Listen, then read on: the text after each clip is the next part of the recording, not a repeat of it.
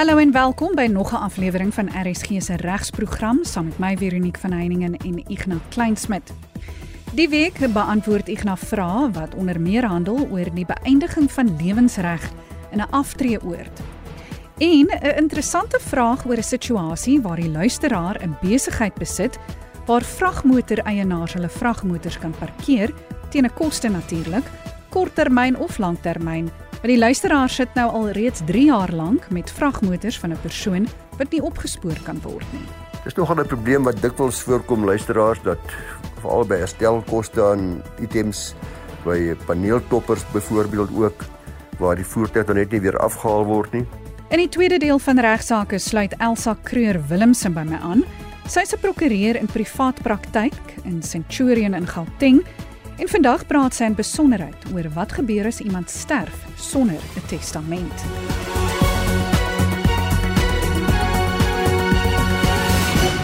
Ons begin die week met Ignas wat 'n vraag van Magda Matthyse beantwoord. Goeiemôre luisteraars, dit is altyd 'n voorreg om namens die Prokureursorde van Suid-Afrika met u te gesels oor regsaake. Magda Matthyse skryf sy sê sy het twee vrae wat sy graag wil vra. Wie's verantwoordelik Dis nou by die aftreeoord vir die ver van 'n buiteveiligheidshek wat voor die ingang van 'n woonvertrek veiligheid bied. Dis al opgeroes sê sy. Dan praat sy van die noodsaak om hulle woning te verkoop. Dit het hulle gedwing om 'n haastige besluit te neem. Ons het by 'n aftreeoord ingekoop wat lewensregte het en nou na my man se afsterwe wil ek nou hier verkoop. Party van die eenhede is ook te koop maar verkoop glad nie. Ek glo dis omdat die bestuur hier nie regtig moeite doen om dit te adverteer nie. Dit blyk dat dit sommer 'n ongeërgdheid vir hulle is. En my antwoord is: Hoe lank tyd het so aftreeoord om my eenheid te verkoop? Ek het dringend die geld nodig om iets anders te koop. Kan nie bestuur so lank nie as wat hulle wil, al is dit 16 jaar. Oek, dit is 'n lang tyd. Daar moet tog ook vir die aftreeoord wette wees. Die maandelikse heffings, die betalings maak die lewensgehalte baie baie moeilik vir my en sy kry swaar, sy sê help asseblief. Nou ek het hierdie vraag ook verwys na Retief van Wiedig, die Rustenburg spesialis op hierdie gebied en baie dankie Retief vir jou antwoord. Hy sê dat om mevrou Matthys se vrae te beantwoord, om Magda se vrae te beantwoord, is dit nodig om na die Wet op Behuisingsontwikkelingsskemas vir afgetrede persone te kyk. Dis Wet 65 van 1988 sy en haar oorlede egnoot 'n duidelike reg gekoop om vir die res van hulle lewens in 'n wooneenheid in 'n behuisingsontwikkelingsskema soos in die wet na verwys word te bly. Gevolglik moet ons nie na die wet op bestuur van deeltitelskemas gaan kyk nie, maar soos ek gesê het op die wet op behuisingsontwikkelingsskemas. By skemas wat beheer word in terme van hierdie wet vir afgetrede persone, is die okkupasiereg ooreenkomste wat 'n persoon met die ontwikkelaar van die skema aangaan natuurlik van kardinale belang. Hierdie ooreenkoms bepaal feitelik alle aspekte wat te maak het met die verblyfreg of lewensreg van die houer daarvan. Nou ongelukkig het Magda nie vir ons die okkupasiereg ooreenkoms saam aangeheg nie en ons het nie die spesifieke okkupasie ooreenkomste sonder oog gehad nie wat sy nou oorlede egnoot gesluit het nie en ons sommer voortgaan met die antwoord deur afleidings te maak oor wat die situasie is. Sy noem dat die veiligheidshek by haar eenheid roes en geverf moet word. En die wet bepaal dat die ontwikkelaar verantwoordelik is om die buitekant van die wooneenheid en gemeenskaplike eiendom van die skema te onderhou. Nou die meeste van die okkupasiereg ooreenkomste, ons het nou nie afskrif van hierdie ene nie, bepaal dat die inwoner of die okkupeerder die wooneenheid as ook die toebeheere en aanhegtings moet onderhou. In die geval van 'n veiligheidshek wat toegang tot 'n woon vertrek bied, dink retief dat dit 'n aanhegting is dat die inwoner self vir die onderhoud verantwoordelik is, maar weer eens is dit natuurlik afhang van die inhoud van die ooreenkoms. Die okkupasiereg ooreenkoms bepaal ook op watter stadium die reg tot okkupasie ten einde kom, dis nou die lewensreg. Dis gewoonlik met die afsterwe van reghebbende. En indien hy of sy gade is in hierdie geval by die gade se afsterwe, dis by Magda se afsterwe. Die reg kan ook beëindig word deur kansellasie van die ooreenkoms deur die reghebbende. En dit blyk dat Magda Matthysn nou dit wel gedoen het, hierdie ooreenkoms gekanselleer het en dit blyk ook dat die ontwikkelaar die kansellasie aanvaar het. Die okkupasiereg ooreenkoms bepaal gewoonlik normaalweg dat die houer van die okupasiereg of sy boedel in die geval van 'n afsterwe geregtig is op terugbetaling van die aanvanklike prys waarteen die okupasiereg bekom is. Die ooreenkoms kan ook bepaal, baie keer is dit 'n deel van die prys, maar baie keer die hele volle aanvanklike koopprys. Die ooreenkoms kan ook bepaal die ontwikkelaar 'n deel van die wins aan die reggebende moet betaal. Aan die ander wyse die aanvanklike koopprys plus 'n persentasie van die wins, maar elke skema het hier sy eie bepalinge in opsigte van die winsdeling.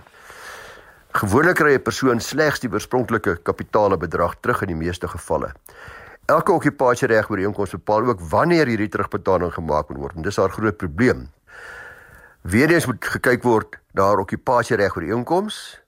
Ons het 'n vermoede dat haar ooreenkoms bepaal dat die betaling waarop sy reken eers betaalbaar is en dis normaalweg so nadat die ontwikkelaar 'n nuwe okupasiereg ooreenkoms gesluit het met iemand anders en dat die nuwe koper die volle koopprys betaal het en aan al die verpligtinge van die ooreenkoms voldoen het. Want dit is miskien net maar billik dat die ontwikkelaar natuurlik eers geld moet hê. En dit beteken die voldoening aan die ooreenkoms voordat hy die deel aan die lewensreghouer oorbetaal. Nou tensy mevrou Matthysens se ooreenkoms iets anders bepaal, hoef die ontwikkelaar dus eers te betaal sodra die ontwikkelaar 'n nuwe koper teen die ontwikkelaar se voorwaardes en prys gekry het en betaling van die koopprys ontvang het ongeag hoe lank dit ook al neem. So daar's geen verpligting om die ontwikkelaar met binne 'n sekere tyd te doen nie. Die feit dat Magda by die aanvaarding van die kansellasie die reg om vergoed te word verkry het, beteken nie dat betaling van die vergoeding dan dadelik of binne 'n sekere tyd moet plaasvind nie. Dikwels loop okkupasiereghouers hulle vas teen die voorwaardes van betaling nadat die reg ten einde loop. Soos altyd sê die reg skep nie geld nie. Mevrou Matthysien kan egter met toestemming van die ontwikkelaar die wooneenheid verhuur aan 'n geskikte afgetrede persoon. Sodoende sal sy daarom deels vergoed word vir die kapitaal waarop sy wag. Natuurlik sal dit net kan wees totdat die plek verkoop word. Dis nie 'n langtermyn huurkontrak nie. Maar belangrik is, sy kla omdat sy sê hulle doen nie genoeg om die plek te verkoop nie of te adverteer nie, maar niks verbied haar. Staan haar ook vry om self iemand te soek en self te adverteer en self agente opdrag te gee om haar okkupasiereg te probeer verkoop op voorwaardes wat natuurlik uiteindelik vir die ontwikkelaar aanvaarbaar moet wees. Sy sal dus ongelukkig totdat die ontwikkelaar 'n nuwe koper kry, aanspreeklik wees vir die heffings en die erfbelasting van die eenheid. Indien daar enige luisteraars wat advies wil hê van Retief van Wiedig, kan u hom kontak by Retief by vwvslaw vwvslaw.co.za Nommer om te skakel hier in Rustenburg is 014 592 7254. Ek nou bespreek nou nog 'n vraag deur 'n besigheidseienaar wat geld probeer verhaal van 'n kliënt wat hy nie kan opspoor nie. Ja, ek kry vervolgens 'n interessante brief van PT van Niekerk. Hy sê lê 'n plek waar trokke oornag, 'n truck stop, soos hy dit noem. Kliënte kan daagliks oornag of maandeliks kom daar oor staan.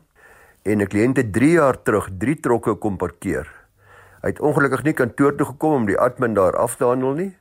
Ons het geen inligting van hom nie. Intussen het hy 3 jaar later nog nooit kom betaal nie. 'n Prokureur het gesê ons moet 'n adres hê waar ons die dagvaarding kan beteken, maar ons het nie so 'n adres nie. Ons weet wel wie die eienaar is, maar op grond van die lisensie maar kan hom nie opspoor nie. Dit wys ook nie dat die betrokke trokke nie gesteel is nie. Dit kan dalk wees Wat staan ons te doen om hierdie gelde te verhaal om van die trokke ontslae te raak? Dis nogal 'n probleem wat dikwels voorkom luisteraars dat veral by herstelkoste aan items by paneeltoppers byvoorbeeld ook waar die voertuig dan net nie weer afgehaal word nie. En uh ongelukkig is dit so dat mense nie reg in eie hande mag neem nie. Normaalweg is die antwoord dat 'n mens sal moet dagvaar. Nou sê die luisteraar meneer van die kerk PT van die kerk reg dat die probleem is hy weet nie waar hierdie eienaar van hierdie trokke is nie. Hulle kan hom nie opspoor nie. Daar is natuurlik die moontlikheid in hierdie geval van vervangende betekening. Dit beteken 'n aansoek wat mense by die hof bring om op 'n ander wyse as normaalweg die dagvaarding te beteken op hierdie eienaar. Gewoonlik sal die hof dit goedkeur dat 'n mens by wyse van 'n advertensie die dagvaarding kan beteken dikwels in 'n koerant in die gebied waar die eienaar vermoedelik woonagtig is. In hierdie geval sal dit die provinsie dalk wees waar die trokke geregistreer is. En uh soms is dit ook nodig om die advertensie te plaas in 'n nasionale koerant. As dit nie moontlik is om vermoedens van provinsiale of ander gebiede te bewys nie. Maar dit kan nogal baie kostes wees. Die advertensiekoste is baie hoog. Maar na die vervangende betekening dan neem jy normaalweg vonnis soos wat na enige ander dagvaarding as daar nie verskeiding tot verdediging is nie. En natuurlik na die vonnis kan daar dan 'n eksekusie verkoping van hierdie drie trokke plaas van nou op die perseel. En uh, hopelik is die verkoopsprys by die veiling of die veilingprys genoeg om ons luisteraar se eis vir stoorkoste en oornagkoste te delg. Soms sien ek advertensies in 'n uh, koerant uh, wat sê dat as jy nie jou voertuie kom haal binne 'n sekere tyd nie, ons het hierdie en hierdie voertuig of hierdie artikels in ons besit, as dit nie afgehaal word binne soveel dae nie, dan gaan ons verkoop en die geld aanwend om ons eis te delg. Ongelukkig het so advertensie geen regskrag nie, want dit is deel van reg in eie hande neem. En uh soos ek sê, mens moet die normale prosesse ongelukkig volg. Die luisteraar in hierdie geval sê egter dat die trokke al langer as 3 jaar daar is of 3 jaar daar is. Nou daar is daar 'n baie goeie kans dat hierdie eis wat jy het teen die eienaar van die trokke alreeds verjaar het. En natuurlik sal dit ook behels dat sy moontlike eis teen u om die trokke van u af terug te eis natuurlik ook verjaar het. Is dit die scenario is nou in so 'n geval dink ek en veral ook die feit dat u nie weet of die voertuig dalk gesteel is nie want die eienaar die regmatige eienaar sal nog altyd 'n eis teen hê as dit later blyk het hulle gesteel is dink ek jy moet mens moet dadelik uitvind meer moet doen om vas te stel of die voertuig gesteel is. Dalk met die SAP laat kontak maak hulle kom kyk. Maar ek dink in hierdie geval sal die luisteraar wys wees om sy prokureur te gaan spreek omdat daar 'n paar moontlike scenario's is in die lig van die verjaring en die lig van die moontlikheid van gesteelde goedere En net 'n laaste boodskap van Ignas. Gee my geleentheid luisteraars om maar weer een van my ou klaagliedere te herhaal en dit is dat u asseblief nie hierdie program moet gebruik as gratis regsadvies vir die ingewikkelde en uitgerekte probleme nie. Ek kry nog steeds lang briewe van luisteraars wat vir my 'n klomp dokumentasie aanheg en dan vra dat ek hulle asseblief moet adviseer. Die doel van die program en die prokureursorde van Suid-Afrika se doelstelling is om algemene inligting te gee aan die luisteraars en om sake aan te spreek wat vir almal van belang is en nie individuele regsprobleme nie. U is baie welkom om nog steeds vir my te vra om sekere sake aan te spreek as dit oor beginsels gaan wat ek van mening is vir almal van belang is. Maar dit help regtig nie om vir my uh, te direk te beskakel nie. Op 'n of ander manier kom sekere luisteraars nog deur na my, ek weet nie hoe nie. Maar ek gaan ongelukkig met die onbeskof moet wees en vir die seer dat ons glad nie telefoniese konsultasies doen nie.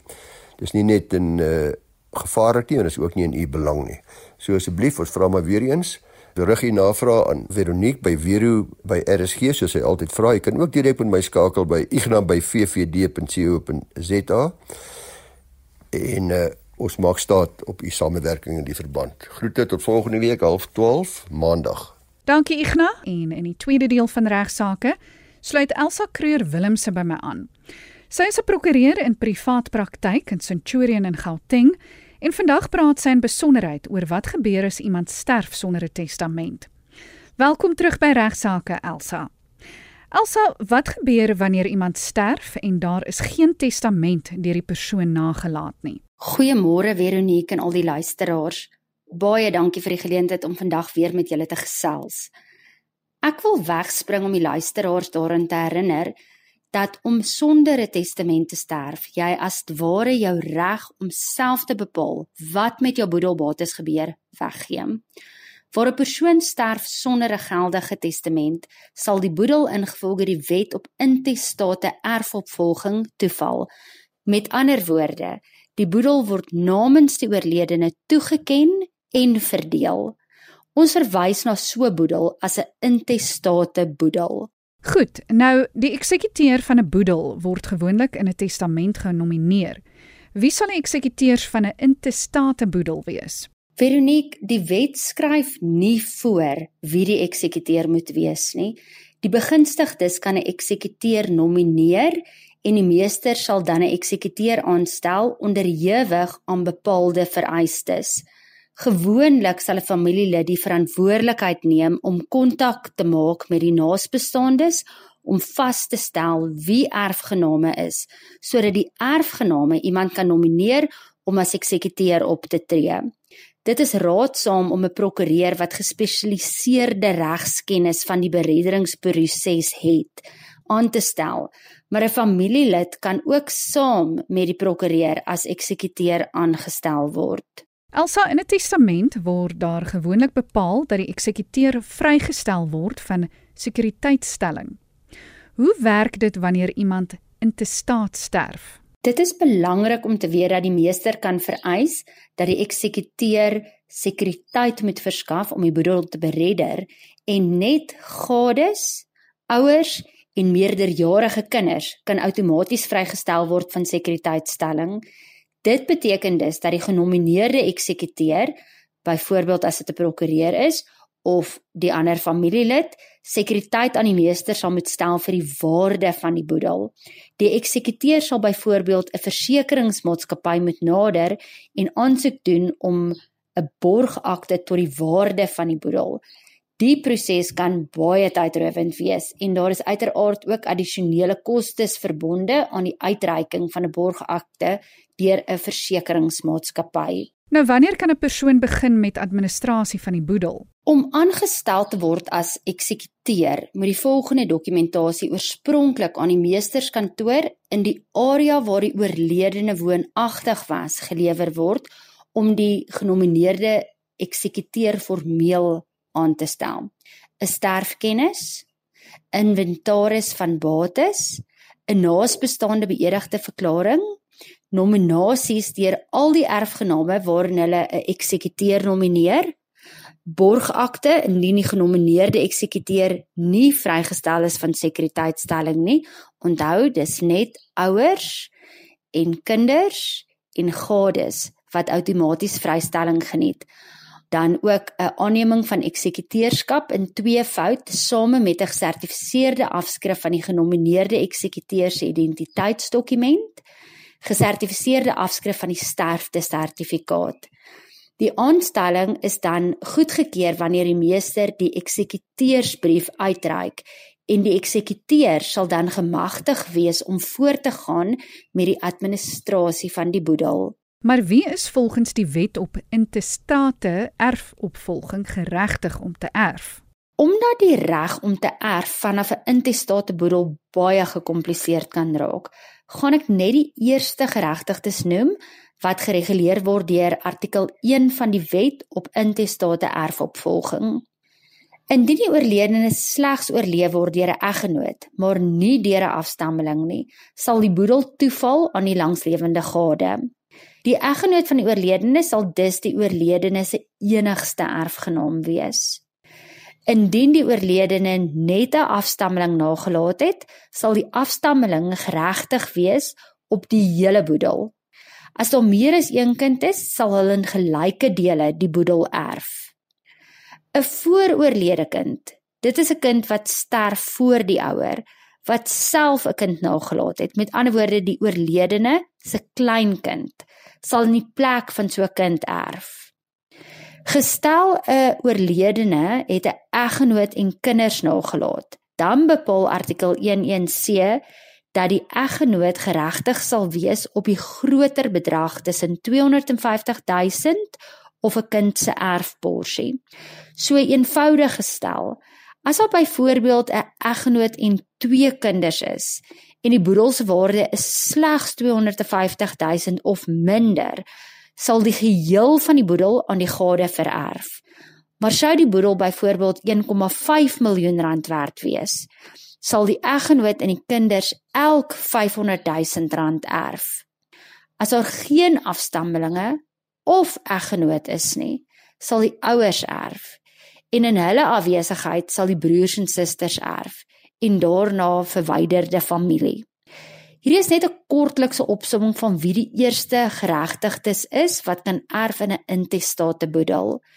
Indien daar 'n luisteraar is wat verder verwant is as 'n eggenoot, 'n afstammeling of 'n ouer van die oorledene, en wil weet of hy of sy kan erf, kan die persoon 'n prokureur nader vir sekerheid. Sal mense wat nie getroud was nie, maar in 'n verhouding was, van mekaar se boedels kan erf as daar nie 'n testament was nie? Die antwoord is ja, maar dis nie 'n outomatiese reg nie.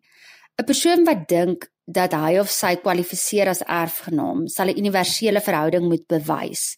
En om dit te kan doen, sal hy of sy die hof moet nader om regshulp. Elsa, as ek jou reg verstaan, kan dit gebeur dat 'n kind 'n ouer se hele boedel erf. Hoe word daar met die erflating gehandel indien so erfgenaam nog minderjarig is? Veronique, ek wil eerstens net bevestig, veral vir die ouer luisteraars, dat 'n minderjarige nie meer 'n kind onder die ouderdom van 21 is nie, maar wel 18. Wanneer boedels vererf aan minderjariges, testaat of intestaat, is die gevolg daarvan dieselfde tensy die testament sekere bepalinge bevat. Geld wat aan 'n minderjarige vererf, sal aan die voogdyfonds oorbetaal moet word vir administrasie deur die meester van die Hooggeregshof. Die minderjarige sal dit kan opeis sodra die kind 18 is. Indien 'n ouer wil seker maak dat 'n minderjarige se erflating nie aan die voogdyfonds oorbetaal moet word nie, moet die persoon 'n testament opstel en daarin bepaal dat 'n minderjarige erfgenaam se erfenis byvoorbeeld in 'n testamentêre trust geplaas moet word om namens die minderjarige geadministreer te word totdat hy of sy meerderjarigheidsouderdom bereik of 'n ander gespesifiseerde ouderdom. Sal die erfgename ook aanspreeklik wees vir die laste van 'n intestate boedel of erf hulle net die bates? Boedels bestaan selde net uit bates en het gewoonlik ook laste wat in ag geneem moet word en definitief beredderingskoste. Alhoewel slegs bates vir erf van erfgename kan 'n erfgenaam eers aanspraak maak op 'n erfporsie nadat al die laste van die boedel vereffen is en indien die boedel nie genoeg kontant het om alle skulde en beredderingskoste te vereffen nie, sal die eksekuteur van die boedel bates moet verkoop om hierdie skulde te vereffen en ander verpligtinge na te kom. Indien daar meer laste as bates is, word dit beskou as 'n insolvente boedel. Wanneer sal die staat die begunstigde van 'n intestate boedel wees? Die staat word nie outomaties die begunstigde van intestate boedels nie. Indien geen intestate erfgenaam na vore kom of opgespoor kan word om te erf nie, in 'n tydperk van 30 jaar het verloop, sal die bates die staat toeval en sal die staat geregtig wees om te handel met die boedelbates van die oorledene. En net ter afsluiting, waarom is dit belangrik om te sorg dat mens nie intestaat te sterwe kom nie? Of jou boedel intense beplanning benodig of eenvoudig van aard is. Jou testament is jou laaste middel waarmee jy jou wense rondom die verdeling en bemaking van jou besittings of eiendom aan jou naasbestaandes kan oordra. So sorg dat jou testament in plek is sodat jou boedel nie intestaat vererf en dalk anders verdeel as wat jy dit sou wou gehad het nie. Baie dankie aan Ignas Kleinsmid van van Velden Duffy Prokureurs in Rustenburg en natuurlik aan Elsa Creur Willemse van Elsa Creur Prokureurs in Centurion vir haar bydrae tot vandag se program. Vir enige navrae stuur gerus 'n e-pos na my toe by vero@rsg.co.za. Van my Veronique van Heiningen groete tot volgende week.